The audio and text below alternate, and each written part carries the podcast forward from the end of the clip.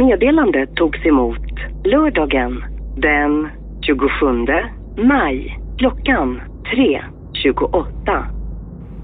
What? Det här är Orvar, Orvar Sävström. Om du är lika förvirrad som jag är just nu så ska du ringa Twin Peaks Hotline. 0760 87 42 99 så reder vi ut det här tillsammans. Twin Peaks Hotline. Ja, på det igen då.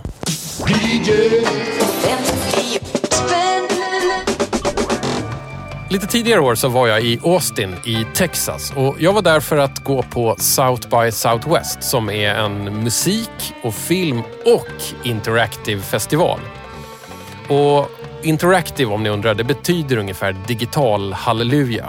Hur som helst, en av de här dagarna så passade jag på att smita från allt folk som var där i downtown Austin. Det var väldigt trångt, det var mycket folk överallt, jag var less på att äta tacos. Så jag tog en taxi långt, långt, långt ut från stan till den bästa lilla skivbörsen på prärien. End of an Air Records heter den. Det är ett hus vid motorvägen och det är helt fullsmockat med vinylskivor. Fantastiskt ställe, fantastiskt utbud. Och det säger jag även om jag bara köpte kristet och high school marching bands ur deras dollar bins. Men när jag var där så kollade jag förstås i facken för dyra och lite nyare plattor. Och då hittade jag en del som var helt förväntat. Men när jag bläddrade i punk och hardcore-backen så hajade jag faktiskt till för då hittade jag mitt eget efternamn. Jönsson. Fast det stod Lorenzo Jönsson. Jag hade rätt dåligt med stålar så jag köpte inte skivan. Men jag funderade på vad en svensk skiva av Lorenzo Jönsson, som jag hade ganska dålig koll på, gjorde i hardcore-backen i en skivaffär i Texas. Har du någon aning, Lorenzo Jönsson? Jag kan ha en vag aning. Men alltså, den var väl inte helt korrekt placerad? Nej, det var den absolut inte. Min vaga aning är att eh, min äldre bror är gift med en amerikanska. Mhm. Och hon är från Houston och han är lite fram och tillbaka mellan eh, Sverige och Houston. Så eh, han har ju såklart fått skivan av mig. Och, eh, Sen han sen hur den där. har lyckats hamna i Austin på någon eh, skivaffär långt ut, det är ju det är väldigt spännande. Jag anar att de kanske inte hade lyssnat på den, utan de hade bara tänkt att ja, men vi ställer den här. För att när jag lyssnade sen på den här skivan som heter Gothenburg Blues så lät det inte... Det lät som många saker, men det lät ta mig fan inte som punk och hardcore. Nej, det är ganska långt ifrån skulle jag säga. Om jag får försöka bara beskriva eh, hur din musik låter så är den ganska känslig. Och det är ganska så här atmosfäriska syntklanger ganska ofta under en ganska skör röst som måste vara din. Jag har jobbat eh, väldigt mycket självbiografiskt. Det är ju svårt när ehm, man ska jobba självbiografiskt och känsligt och att det inte blir liksom total eh, plattfall. Sen vet ju inte jag om jag lyckas med det, men jag hoppas i alla fall man har någon slags känsla där. Så att det inte blir liksom för smörigt eller för liksom, man har någon nerv i det liksom, som räddar upp det hela. Vad brukar du kalla din musik för? Det där var ju det absolut svåraste. Den värsta ihåg. frågan. Nej men när man började göra musik, då var Mm. man såhär, nej men jag gör något jätteunikt liksom. Och sen så skulle man försöka pitcha det här till folk. Ja. Och då förstår du, du måste ju ha en kategori, eller någonting, alltså annars är du ju körd. Och du är ju inte så jäkla unik som du tror när du har gjort en låt. Liksom. Det, är, det finns några ackordföljder som används inom pop och rock som används några gånger förut. Eh, men eh, nej, jag skulle nog eh, kalla det för uh, indiepop eller elektronisk indiepop. Mm.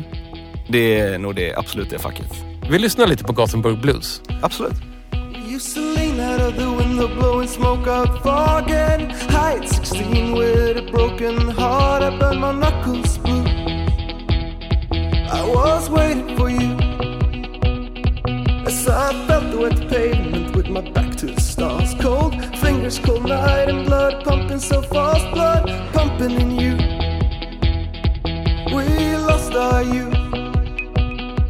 Yeah, we lost our youth in that yellow park, and yet it felt so safe in its dark where it couldn't reach you. Oh my Gothenburg blues. But I, I remember how I had you by my side. I used to call you mine for this Gothenburg blues.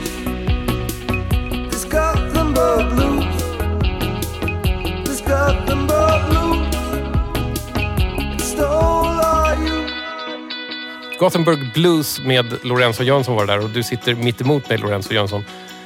Det här låter i mina öron som vad jag kallar för Göteborgs melankoli. Fattar du vad jag menar när jag säger det?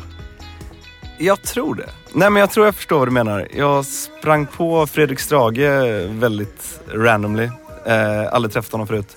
För några månader sedan på någon slags laservernissageutställning. Ja, det är klart man springer på honom på en laserutställning. Ja, ja, han älskar lasrar. Nej men så började jag prata med honom och då hade han faktiskt hört skivan. Och så började vi prata om Samskolan som var då det gymnasiet jag gick på. Och Ja, där- du, du har gått på den legendariska Samskolan.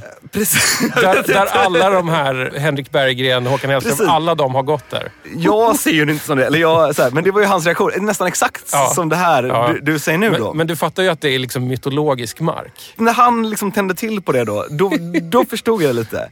Vi rockjournalister är väldigt förutsägbara, bara så du vet. Nej men så det ligger väl någonting i det. Det här liksom Bad Hästpojken, Ja, just det. ehm, Broder Daniel, Håkan Hellström, The Knife. Alltså, You name them. De ja, har men, gått ja där. men precis. Det är liksom någonting med... Jag vet inte om det är att det är en gammal arbetarstad och att det, är liksom, det regnar hela tiden. Ja. Det förstod Men- man inte när man bodde där. Men det finns också en Stockholms melankoli, men den låter aldrig så här. Om jag ska ta ett exempel på typisk Stockholms melankoli. Orups, Stockholm.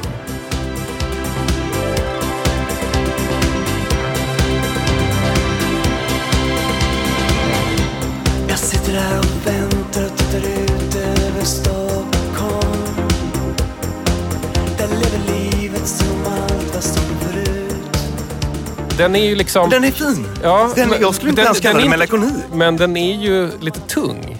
Samtidigt som det, som det känns och även syns i videon att han glider omkring i baksätet på en taxi. Men den är mer så här. jag har haft det jävligt bra, nu har jag det bara ganska bra. I Göteborg är det typ, jag har haft det skit, nu har jag det lite bättre än skit. Eller? Det kanske är så. Jag, jag har faktiskt ingen aning. Ah, ja. Hur gick det till egentligen när du hittade till din musik då? Ehm, det var en ganska lång resa. Men jag vet att du inte har spelat i en miljon band innan du släppte de här skivorna som du har gett ut. Jag var helt, helt ensam och eh, det började väl egentligen att min mamma ville väldigt gärna att jag skulle spela piano när jag var liten. Och ehm, jag började lite med det, det var tråkigt, det var så här, man hoppade av och på liksom. Och så fick man tändning ibland, men man övade aldrig tillräckligt. Alltså piano är ett fantastiskt instrument och man gillar att öva och nöta. Ehm, det är jag väldigt glad för idag, är att man kan läsa noter lite halvt i alla fall. Så från det till att man hade någon slags tonårsdepression som alla har och började skriva av sig väldigt mycket. Alltså eh, ganska mörkt. Skrev allt möjligt liksom. Och sen när jag var, mm, pluggade i eh, Lund då, som student så blev det någon eh, slags livskris som gjorde att om jag dör imorgon så vill jag försöka lämna någonting man kan ta på till eftervärlden. En skiva. Ja, alltså det var något sån här sjukt mål liksom. Att bara nu jävlar liksom. Nu, jag kan lite i alla fall och nu ska jag försöka göra någonting. Och då var det en fruktansvärd uppförsbacke. Um, vi pratade om det innan, men om du ska gå in i musik idag. Visst, du har allting. Du kan ladda ner gratis program och göra det i stort sett en professionell skiva om du har skillsen liksom. Men problemet är att du kan undoa hur mycket du vill, du kan lägga på hur mycket effekter du vill, du kan ha mycket kompressorer, EQR du vill. Och liksom, så då börjar man ju youtuba, man börjar läsa tidningar, man börjar fixa och eh, köra igång helt enkelt. Och eh, sången var väl jobbigast skulle jag säga. Det var en fruktansvärd uppförsbacke. Det blev faktiskt så att min eh, flickväns mamma är logoped och hon hade en kontakt med en sångpedagog i Lund. Så jag började gå till henne och jag vet inte om hon har gått till sångpedagog någon gång. Nej, nej, nej. Jag har ett röstomfång på en halv oktav ungefär. när man går dit så är det ju ganska skräckinjagande. Hon sitter vid ett piano, hon var jättetrevlig så hon var inte skräckinjagande. Men, och så börjar hon spela det upp och ner på pianot. Och så säger hon ingenting, sitter liksom tyst. Och så säger hon bara, "Ah, den bra nyheten är att du har ett väldigt brett omfång. Du kan gå väldigt lågt och din falsett kan gå jättehögt och din falsett kan gå väldigt lågt. Liksom du kommer över. Det negativa är att din eh, pitch controller, om man ska säga, är inte, inte är helt hundra.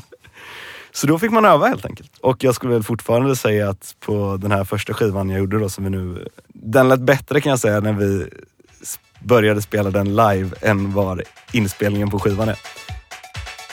Jag vet också en till sak om dig. Det är att du gillar att gräva skivor. Och då har ju du fått uppdraget här att köpa fem för 50. Absolut. Ska vi sätta igång? Det tycker jag. Skivbörsklassiker.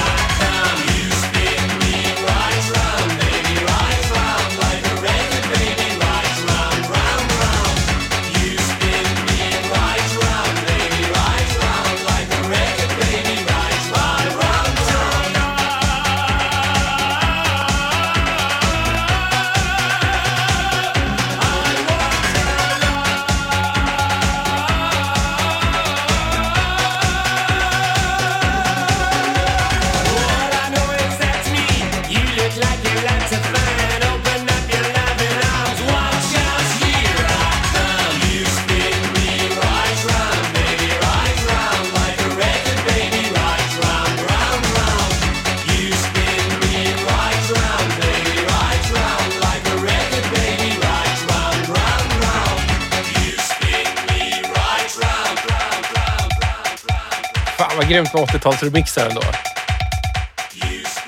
Det är nog dags att gå in här, även om jag inte riktigt, riktigt vill här. För det kommer puttra på med någon slags åtta minuter lång high energy eufori här. Vad är det vi hör egentligen, Lorenzo? Det är Dead or Alive, You spin me round like a record. Murder, Mix. Precis. Fan vad härligt att du kom med tolvan här. För en tia har du hittat den här. Absolut. Och Det här är producerat av Stock Aitken Waterman, alltså producenttrion. Jag undrar om det- inte det här var deras första riktiga så här, superduper-hit. Var det så? Jag kan ha fel här, men det, det, det här är en av de tidiga i alla fall. Varför plockar du upp den här som din skivbörsklassiker? På ett sätt tänkte jag att det skulle kanske vara lite av en klassiker. Eller så är det bara att min relation till mig att jag ser det lite som en klassiker. Ja. Den här, jag tror den är med i Wedding Singer kanske den här låten. Och ja, det är mycket, mycket möjligt. Andra. Ja. sen var det också när jag vände på skivan och jag såg just att det var Aitken eh, Orman, eller vad är det? Orman antar jag att han heter. Ja. Och så tänker man på allt det här, eller att man har hört att de har gjort den där eh, Rick Roll-låten och Kylie Minogue och allt det här. Det här är ju lite tuffare. Det här är lite tuffare. Ja. Och jag tror, om jag inte säger helt fel nu, så jag såg någon grej om dem och att de, de skulle liksom producera det som en fabrik. Ja. Och de åkte runt i olika länder i Europa. Alltså de åkte till Frankrike, satte Mm. sig på ett hotell, hotellrum, lyssnade på topp 10-listan, skrev ner så här produceras de här låtarna nu. Ja. Mm. Åkte till Italien, gör samma sak. Åkte till Spanien, Tyskland, gör samma sak. Åker tillbaka och gör liksom receptet. Och jag antar Ja. att på den här tiden så färdades inte musik liksom lika fort. Så du kunde liksom, Mm.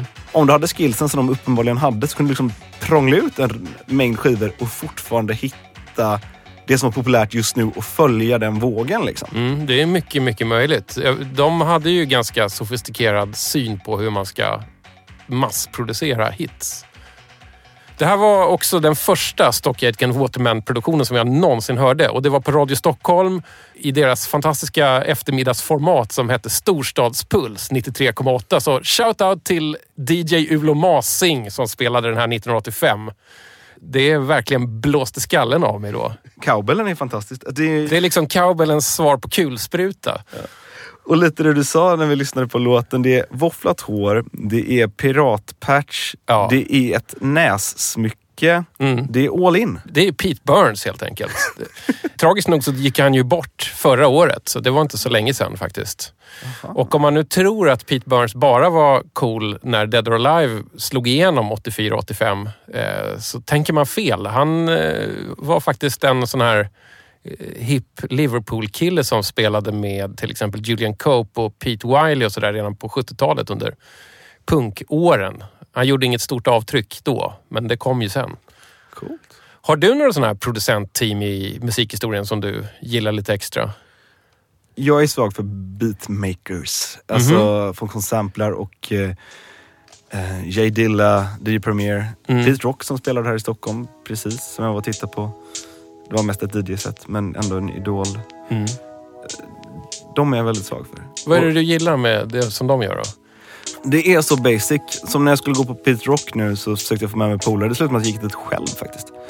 För att dina polare inte fattade? Men precis! Jag träffade gatuslang Pontus som jag tror har varit här Mm. på spelningen och snackade lite med honom. Nej men jag sa det bara, men han har ju gjort Juicy med Notorious B.I.G. Liksom. Han har producerat den så här. Det är typ eh, lite löjligt men det är ändå en liksom, absolut favorit liksom. Och så sa han, ja men den är ju samplad. Och visst, klart att den är samplad. Ja. All hiphop är i stort sett samplad. Men är, alltså, om vem som helst skulle kunna göra det, då är det liksom, då har det inte funnits några producenter. Utan det är liksom hur du samplar, vad du väljer ut, hur du liksom lägger bastrumman. Om du lyssnar på typ J Dilla, Madlib, eh, Mad Villain, MF Doom med Madlib. Liksom, hur samplingen är lagda, hur kicken i stort sett sidechainar hela bitet. Släpigheten, hur du liksom kan gå... Du har en sampling, sen kanske du har handspelade trummor över det på en NPC eller någonting. Som ligger sloppy, men du ligger liksom... Jazzgrejen liksom. Ja. Att du ligger hela tiden in the pocket. Liksom du går utanför rytmen, men du hittar alltid tillbaka. Och det finns någon eh, intervju med Bootsy Collins tror jag han heter, basisten. Han har så här stjärnglasögon och grejer. Absolut. Och han snackar om I can teach you how to play bass. Och så bara så här, du behöver bara slå strängen på ettan. One. One. One. Och sen så bara, in between you can do whatever. Bara, så länge du håller rytmen liksom, så får du liksom, då får du gå loss. Och jag menar för purister då, som, om du spelar klassiskt piano då, som jag börjar med, då ska du absolut aldrig göra något sånt här. Liksom. Men eh, när du hittar den här släpigheten på rätt sätt. Och, typ som, till exempel Jay-Z kan du höra om du lyssnar på när han rappar. Att han, han tappar tempo. Liksom, han får springa nästan för att hitta rytmen igen. Liksom. Men det är ändå medvetet liksom, att göra de här grejerna och det ger en väldigt dynamik till produktionerna. Jag tycker bara det är fint, jag vet inte. Och att vem som helst i stort sett kan, kan göra det. Liksom. Alltså det är väldigt så en budgetform av musik. De hade ju inget annat. Tänk vad Pete Burns och Dead or Alive kan få oss att prata om. Vi tog liksom ett sömlöst steg över till eh, Madlib och Bootsy Collins och att vikten av att tappa takten. Ja. Hör du, har du hittat någon chansning? Absolut. Lite mesigare musik nu, tror jag. Ja, de, han skrattade ju åt mig i eh, affären. Vad var det du köpte skivorna?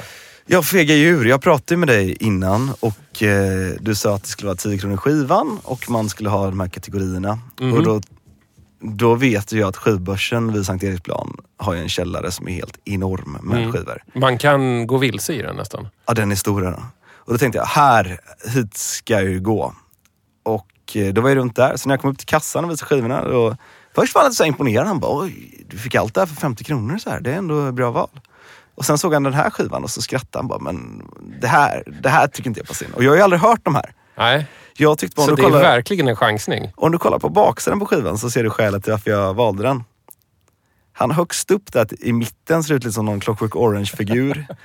och sen pratar de på jobbet om mina kollegor. Han längst ner till höger och i mitten, mitten ser ut som Begba i Trainspotting, eh, någon slags karaktär liksom. Den här britten liksom som hänger på pubbar och slåss. Mm. Du har helt rätt. Nu det kör var, vi. Ja, det var baksidan som fick mig helt enkelt. Chansningen.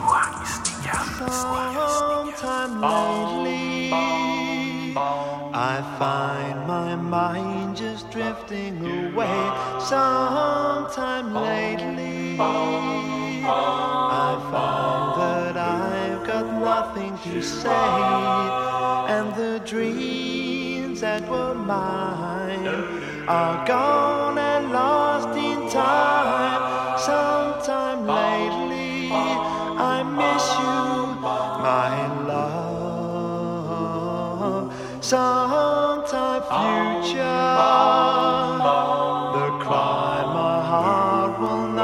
so strong. That time future, the nights won't seem quite as long, but I'll know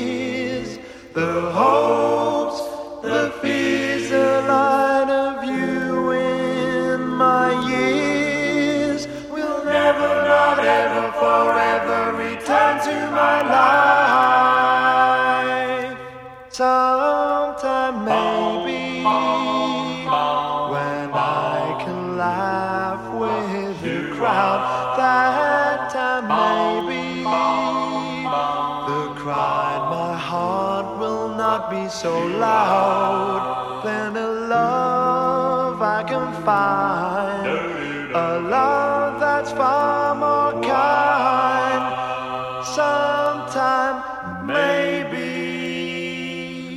can forget you, my love. Det här var din chansning Lorenzo. Vad är det för någonting? Ja, vad är det? Det är Darts. Och jag tror skivan, även den heter Darts. Just det. Det är väl deras debutalbum, tror jag. Jag, jag har verkligen ingen superkoll på darts. Det låter som det va? Man blir ganska glad när man ser på omslaget men jag förväntar mig typ att det är så här, som The Specials eller Madness eller Jag håller med dig. ska-eran. Men det, istället så är det ju så här 50-tals revival. Ja, men även det att liksom på omslaget att de har en sax ganska så liksom framträdande tänker man, men det här är lite ska. Men, eh, Men blir du glad när du hör darts? den här låten blir jag faktiskt glad av. Mm. Och det var som vi sa, den lyssna Grease-aktigt att man kan se att han åker där någon bil liksom Mm. och liksom tänker på tjejer Mm. eller hon tänker på honom Ja. eller Den här låten hade jag kunnat tänka mig att lyssna på, ja, dra på någon kväll och absolut. Jag är också positivt överraskad och då blev du också ändå hånad av gubben i skivbörsen på Sankt Eriksgatan som beskrev det här som Englands svar på The Boppers. Ja, Jag gissar i och för sig att alla länder i västvärlden hade sin version av The Boppers i slutet på 70-talet. Om vi säger så här. The Boppers, svenska bandet, 1977 möter Darts i en mörk gränd 1977. Vilka tror du vinner den smutsiga fighten mellan dem? äh, Darts hade ju slaktat dem. Ja. Det ser man ju på bilderna. Ja, det, de ser ju faktiskt nästan farliga ut när man kollar på baksidan av omslaget. Det är så här helfigurs porträttbilder på dem. Det är det jag tänker är essensen av, av eh, sån här musik, eller en sån här låt som vi hörde nyss. Ser ut som busar, sjunger som änglar. Och man har nästan den här lite komiska, mörkare Duanen. Precis. Den här som liksom man hör lite svagt. Basstämman. Man kan ju tro idag när man läser musikhistorien att 1977 bara var punk, Saturday Night Fever, ett blockparty Bronx och så vidare. Men precis vid den här tiden så var ju 50-tals revival också en jättegenre. Okej, det var stort då alltså. Ja, det kan man glömma bort nu. Men att det är som att ibland kan man nästan tänka sig att 50-talsstilen var större på 70-talet än vad den var på 50-talet. Min far är ju född 50 Mhm. och han är ju ett stort Elvis-fan som kanske många i den åldern är. Mm. Och det stämmer ju in kanske ganska bra att jag menar Elvis kanske redan hade varit när han liksom Ja, var liksom 20-årsåldern. Ja. Men så kom liksom en revivalen och tog, liksom, gav den extra skjuts. Hör du, om du eh, är ute i världen och letar efter musik, vad brukar du chansa på? Jag är svag för att lyssna på jazz på uh, vinylspelare. Det, jag tycker det passar sig väldigt bra på något sätt. Om jag får ställa samma fråga igen då på ett kosmiskt sätt. Ja. Vad är det du letar efter i musik? Sanningen? Gud? Förlåtelse? Skönheten? Det astrala planet? När det är på gränsen. På gränsen, hur då? När man nästan inte riktigt klarar det. Eller om, i, i alla fall ger illusionen till att man nästan inte klarar det. När jag tog de här sånglektionerna så hon var ett jättefan av eh, Chet Baker. Och hade, hade träffat honom och så innan hon dog. Och om du lyssnar på honom, han lärde sig spela um, trumpet genom att han spelade, jag tror han spelade typ så klarinett eller någon slags flöjt i militära. Så han, hade liksom, han överförde den, det sättet att spela till trumpeten. Att det låter liksom, han klarar knapptonen och han har ett väldigt, så här, väldigt luftigt mjukt blås. Och han överför det även till sin, till sin sång. Och det är liksom hela tiden på gränsen och hela tiden nära på att spricka. Och eh, det är väldigt svårt att sjunga. Jag har försökt sjunga lite så själv ibland. Men det är väldigt svårt att liksom hitta det för du, du slösar så mycket med luft. Så du måste ha en fruktansvärd andningskontroll. Och du liksom, när du lyssnar på det här så är det liksom Ja, han klarar det knappt men han löser det. Mm. Och det är väl, det är väl någonting om, att om vi återkopplar till Göteborgs melankolin. Ja. Att många av de banden kanske inte var så fruktansvärt liksom kunniga musikaliskt eller hade de bästa rösterna och sånt där. Utan det låg liksom alltid på gränsen kanske både känslomässigt och kunskapsmässigt och eh, sångmässigt och liksom men det förmedlar en jäkla känsla liksom. Alltså det blir en fruktansvärt känslobomb. Mm. Som jag... Nej, jag, är- jag är väldigt svag för det. Du, vi har ju en läskig kategori som går ut på att slumpen bestämmer. Ja, Den här säger mig så otroligt lite. Vi måste lyssna på den nu. okej. Get your damn hands up. Get your damn hands up. That's the anthem. Y'all got to feel me. Get your damn hands up. Get your damn hands up.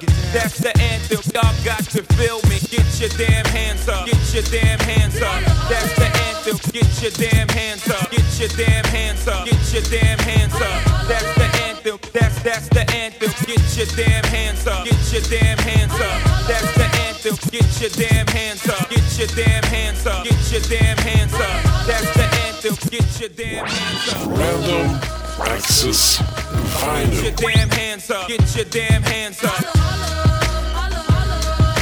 Get your damn hands up. Get your damn hands up. Y'all got to feel me. Y'all got to feel me. Get your damn hands up. Get your damn hands up. Push 'em up. Push 'em up. Push 'em up. Get your damn hands up. Get your damn hands up. Push 'em up. Push 'em up. Push 'em up. Get your damn hands up. Get your damn hands up. Get your damn hands up. Get your damn hands up. That's the anthem. Y'all got to feel me. Get your damn hands up. Get your damn hands up. That's the anthem. That's that's the anthem. Get your damn hands up. Get your damn hands up. That's the anthem. Get your damn hands up. Get your damn hands up. Get your damn hands up. That's the anthem. Get your damn hands up. Get your damn hands up. Get your damn hands up. Get your damn hands up. Get your damn hands up. Get your damn hands up. Get your damn hands up. That's the anthem. Y'all got to feel me. Get your damn hands up. Get your damn hands up. That's the anthem. Y'all got to feel me. Get your damn hands up. Alltså, du bara skrattar. Du snackade om beatsproducenter nyss och nu fick vi ju lite sånt. Ja. På din totala random-skiva också. Ja. Gud finns. Eller Eller inte. Det här är dagens stora mysterieskiva. Det här är en tolva från en label som heter AV8. AV8. Ett skivbolag som jag vet väldigt lite om och artisten om man läser på etiketten heter Callahan Auto. Ja. Vet du någonting? Nej men om man söker på Kalanota då kommer det upp någon slags eh, bilhandlarlogga. Ja, det finns det Callahan Auto Parts som Ja. gör reservdelar. Men jag- det, det är inte de som har stått och shoppat upp lite Miss Elliot och Jay-Z och Gloria Gaynor och allt vad det var. Nej, det är väldigt konstigt. Om man tittar på skivan, jag, jag var ju det var väldigt blandat. Alla skivor kostade inte 10 kronor utan det var liksom så här 60-70. Liksom så. Ja, ja. Och så skulle man ta den här chansningen, blundade jag och liksom gick runt och bläddrade och så tänk, drar jag det första jag kan få upp. Och den ser väldigt transig ut skivan. Jag vet inte om du tänkte på det? Jo, men exakt. Jag Det är så här, håller med. sil, sil, alltså så här stora, så här silver och liksom nästan sådana transbokstäver liksom. Det här är någon slags så här trans Ja. rave klubbskiva tänkte jag. Men du fick ju någonting som låter väldigt mycket som en hemmasnickrad edit snedstreck mashup gjord i en källare någonstans. Ärligt talat, vi vet noll om Callahan Autoparts. Vi vet nästan ingenting om skivbolaget. Jag försökte spåra upp de här. Jag hittade, jag hittade... De finns på något sätt, men verkar nu för tiden kanske finnas i Frankrike. Kanske. En AOL-adress, alltså American Online-adress, mailadress, är det enda som jag går på. Ja. Jag uppskattar sånt här. Det här är ju bara ett collage. Det här är bara en DJ som behöver någonting att luftscratcha till. Jag undrar ju också, eller det gör vi båda två, hur pass laglig, eller vad man ska säga, den här skivan är. För om man kollar på Discogs då, kollar vad AV8 har gett ut, så har de gett ut mängder av tolvor med artister som till exempel Armand Van Helden, Lady Gaga, Michael Jackson, Crooklyn Clan, eh, R. Kelly, Fatman Scoop, etc. etc. etc. Jag lite svårt att se att de verkligen har fått allt det här på papper. Här har vi Jay-Z. Tror att han har släppt iväg Hova bara så här, gör vad ni vill. Jag är svårt att tänka på det. Och jag, det som jag tycker är väldigt kul med att kolla så här med vinyl, det är det där som var på uh, Spinning Round Round skivan, att man liksom hittar någon liksom, liten textikal, liksom, att någon Ja, som har haft den innan och liksom lukten. Och så tänker man tillbaka på en annan tid. Och här tänker man ju verkligen tillbaka på en annan tid när det var svårt att hitta mixar. Det fanns kanske inte att man kunde sätta ihop det. Att, jag menar om en sån här grej skulle komma ut på Spotify idag, den skulle försvinna förmodligen direkt tänker jag. Ja, gissningsvis. Men Eh. liksom den här tiden, det var liksom en... Man hade inte kanske lika hård kontroll och gick inte på Fast den är inte så gammal. När kom den, när kom den här Jay-Z-låten? Vi snackar ändå 00-tal nu. Ja, det, det är sant. Men det var ändå pre-Spotify kanske? Ja, det kan det i och för sig vara. Jag vet inte. Å andra sidan, det har ju alltid funnits såna här alltså, remix-lablar som har drivits av DJs själva. Ett, ett svenskt exempel på det är ju Remixed Records som sedermera blev Svemix. Som, som egentligen kanske var någon slags det första house-konglomeratet i Sverige. Men de började ju med att de gjorde egna edits på coola låtar som de visste att DJs behövde. De frågade inte någon om lov. Nej. Och jag tänker att det kanske var samma sak med... Det finns ju en serie med samlingsskivor som heter Ultimate Breaks and Beats. Eller- Just det. och de, där står det ett skivbolagsnamn och jag undrar liksom alla de här klassiska låtarna med klassiska breaks. Har de verkligen clearat varenda en och gett ut det? Och det är det, ehm, den här Gangstar-låten eh, när de snackar om att de är sura på alla som eh, skriver ut vilka beats som har samplat från och släpper ut så här Breakbeat Records Mm. och bara Forever Underground. Och kör liksom hela den rantet mot det här liksom. Men du, om vi bara får... Eftersom vi inte vet så mycket kan vi ju faktiskt tillåta oss själva att fantisera. Ja. Vem tror du att Callahan Auto är? Oj. Alltså det kan ju vara allt från liksom någon eh, finnig, eh, glad 18-åring som ser sin chans att liksom slänga ihop eh, några snabba backs och, eh, Ja. till liksom någon jättetung producent som bara, ah, men det här är någonting vi kan tjäna deg på, det här är enkelt för mig att göra. Mm. Jag hoppas att det är en, så här, en, en liten spinkig och jävligt ostreetig människa någonstans i, låt säga östra Europa som har gjort det här och fått det utgivet. Det Utan att fråga och ingen vet vem det är. Det hade varit drömmen faktiskt nästan i det här fallet. Grattis att du hittade den. Jag tyckte att det här var en fruktansvärt rolig random access Men jag, var väldigt nära på att ta en ny. Jaha. För jag bara, det här är någon slags konstig rave trance skiva. Jag hatade typsnittet. Mm. Jag bara, "Ja, men jag kör en ny. Och sen tänkte jag bara, "Ja, men nu har jag ändå fått den för 10 kronor. Det är ödet på något sätt att den kostar 10 kronor. Mm. Jag får la köra på det här liksom. Hörru, nu hoppar vi vidare. Det är dags för den näst sista skivkategorin för idag. Yes. Vill du ha den vanliga 12-tumsremixen eller vill du ha dubben? Jag är lite taggad på dubben.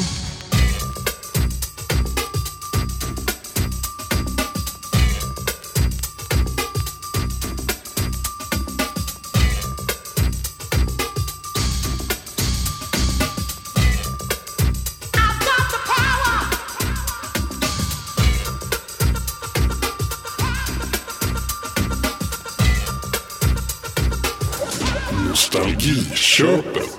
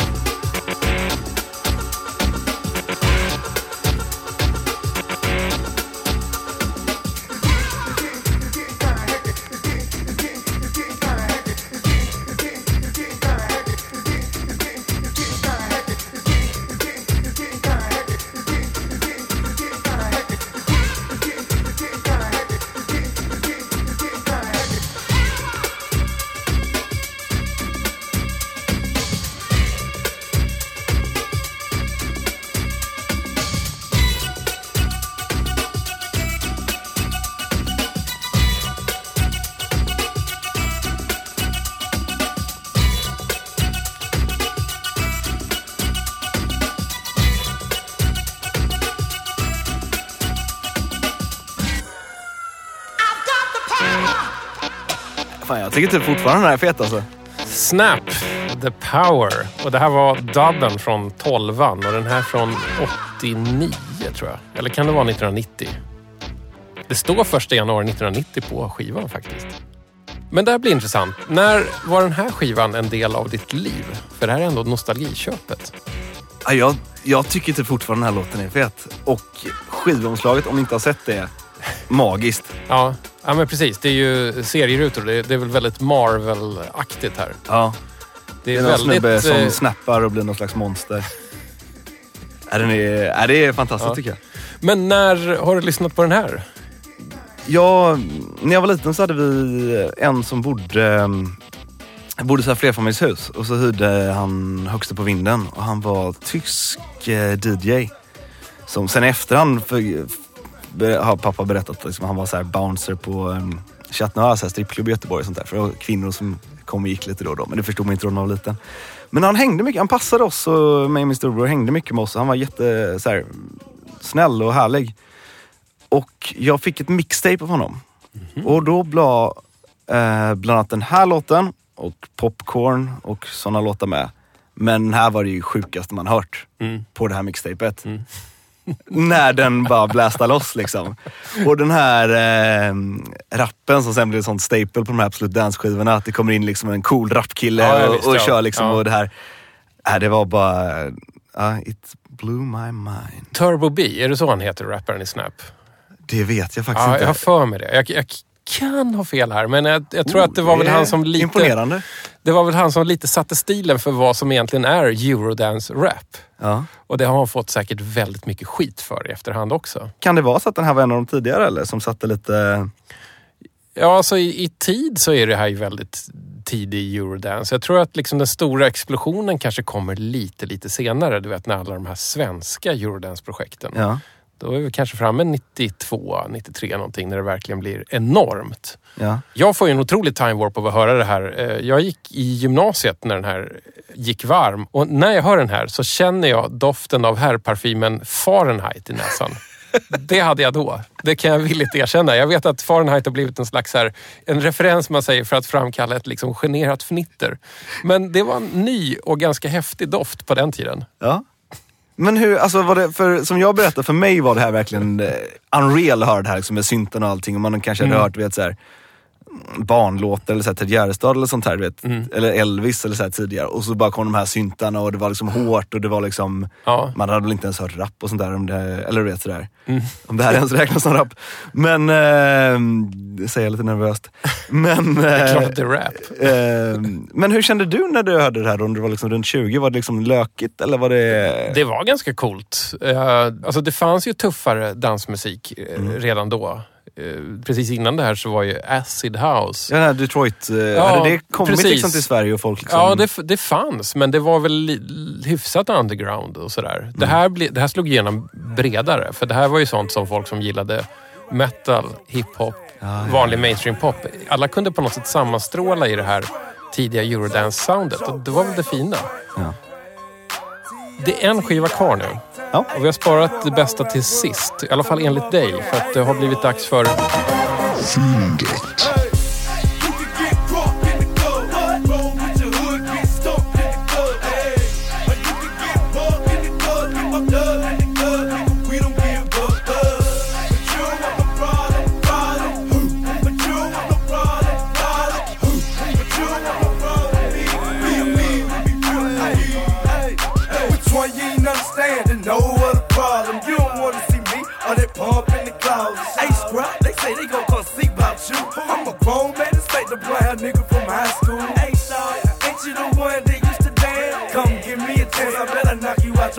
I'm the youngest, hottest entrepreneur in the area. See me jumping on yachts,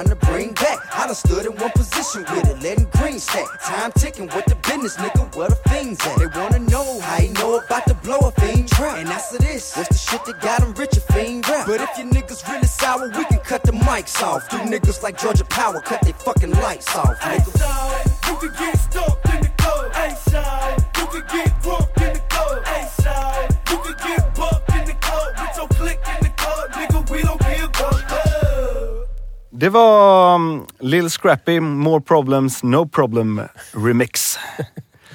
Featuring Fat Joe and T.I.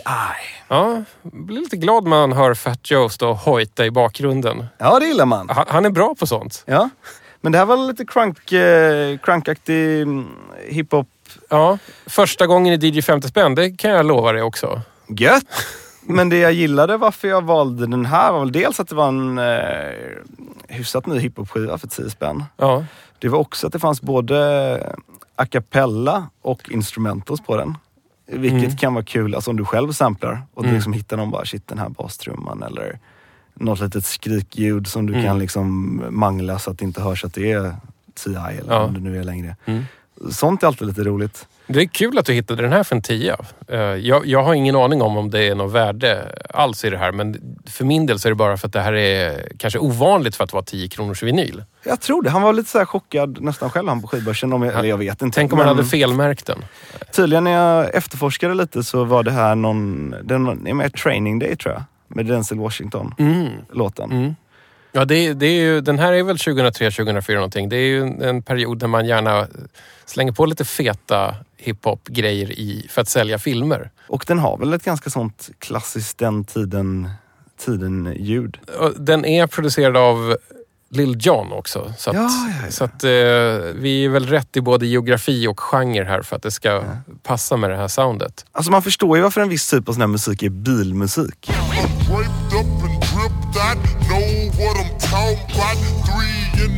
Draped DJ Screw, vet du vad det är för någon Ja, screw-musik? Liksom, så här. Man förstår ju lite först den musiken när man sitter i en bil på natten och bara kör Ja. och snackar. Och kanske har druckit lite alkohol eller något. Inte föraren då såklart. För föraren har bara kört hostmedicin. Precis, hela natten. Och sen ska man ut på morgonen och köra lite.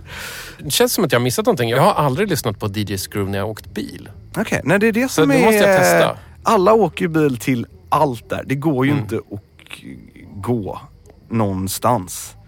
Så det, det, det där tror jag det passar som bäst den här musiken. Sen är det väl kanske löjligt om jag säger det, men som vit man så är det kanske alltid lite skämskudde kanske att lyssna på så här riktigt, vet så här. Mm. Du, du ser framför dig eh, den här scenen ur eh, filmen Office Space. Ja, absolut. När en nörd i en bil sitter och vråldiggar till gangsterrap. den, det är lite mer alltså, det är kanske just den här typen av hiphop som är så, i och med att den är lite gjord för att vara tuff. Mm. Viss musik kan ju göras och sen blir den tuff. Men den här är så här, nu ska vi göra en tuff låt. Ja men verkligen. Det är mycket Ghetto Boys i um, Office Space. När jag såg Office Space hade jag inte koll på Ghetto Boys alls. Nej. Och så skulle jag visa det. Vi snackade, jag snackade med min flickvän om det här bara för några dagar sedan. Och då skulle jag visa henne Ghetto Boys. Och de var ju stenhårda liksom. Men eh, en av snubbarna är ju dvärg och på skiv, en- ett av skivomslagen har de ju tagit när han är på akuten, skjuten i ansiktet, har en stor Motorola-telefon och de puttar honom liksom. Och det är så jäkla hårt. Det är ingen som eh, vill bråka med honom trots hans längd i den situationen. Jag tror att jag nämnt det här i något tidigare avsnitt av DJ 50 spänn att jag fastnar oftast för hiphopens subgenrer. Alltså det kan vara screw för all del eller liksom ghetto bass eller grime eller på sistone ganska mycket larvig mariachi hiphop som jag hittar på Soundcloud. Oj. Jag ska inte säga att det är bra, men det är kul. Vilka subgenrer av hiphop ligger dig närmast om hjärtat? Ehm, jag är väldigt svag för en, det är väl alla, the golden age of hiphop liksom. 90-tals hiphopen och slutet på 90-talet. Ja, men, det känns som att man ska tycka om det. Ja, men jag, jag är i alla fall inbillar mig att jag verkligen tycker om det.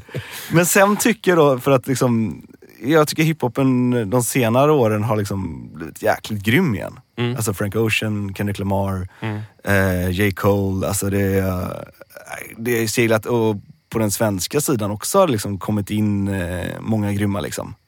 Annie Lööf, eh, Parham, En pojk, eh, Moana tycker jag har gjort vissa grejer som är bra. Mm. Nej, men det sagt verkligen liksom fått ett lyft. Mm. Men jag känner det som att hiphop överlag bara har breddats jättemycket. Ja. Att om du i slutet på 90-talet och början på 00-talet skulle helst vara ganska hård. Ja. Så nu har du ju liksom hela spektrumet av roller som det kan vara. Du måste inte vara tuff eller ryggsäck. Ja, det, jag har inte riktigt tänkt på det det sättet, men det håller jag, Men nu, det håller jag, det håller jag nog nu absolut liksom med finns det ett personlighetsspektrum som känns oändligt i jämförelse. Ja, Om vi ändå är liksom i någon slags Frank Ocean-era nu, Ja. hur den skiljer sig, så är det som att hiphop kan vara så mycket mer helt plötsligt.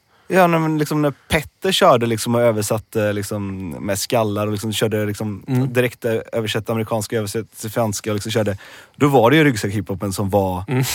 Du kunde ju kanske inte liksom, köra Alexis Week-grejen då eller någonting och bli liksom, accepterad. Å andra sidan tror jag att Alexis Week hade gjort en skiva om Gullmarsplan om inte Petter hade reppat Söder jävligt hårt några år innan. Det tror jag inte hade funnits. Allt, allt leder ju till allt. Eller vad ska man säga? Hörru, tiden går snabbt när man spelar skivor ihop och det har börjat bli dags att släcka ner, ställa barstolarna upp och ner på bardisken, moppa golvet och sätta upp stängt-skylten på dörren. Vad fick du ut av den här skivhögen? Glädje skulle jag nog vilja säga. Eh, En billig grävarglädje. Jag Ja. var väldigt, alltså inte nervös kanske, men jag var när man har en press på sig så ska man välja rätt skivor. Men så bara släppte man det och valde och så... Det blev liksom nästan, vad ska man säga, en överraskning av alltihopa. Lorenzo Jönsson, tack för att du eh, kom hit. Vet du vad som händer nu? Nej. Eftersom du nämnde Popcorn Ja. så kör vi Popcorn i regi av James Last, den tyska storbandsledaren. Tack så hemskt mycket för att jag fick vara här. Tack för musiken och tack för att du var med i DJ 50 spänn. Tack, tack. Men de har i alla fall en syntbas som klarar det. Jävlar. Nästan lite AC 303. Ja. ja, den är härligt uh, krispig faktiskt.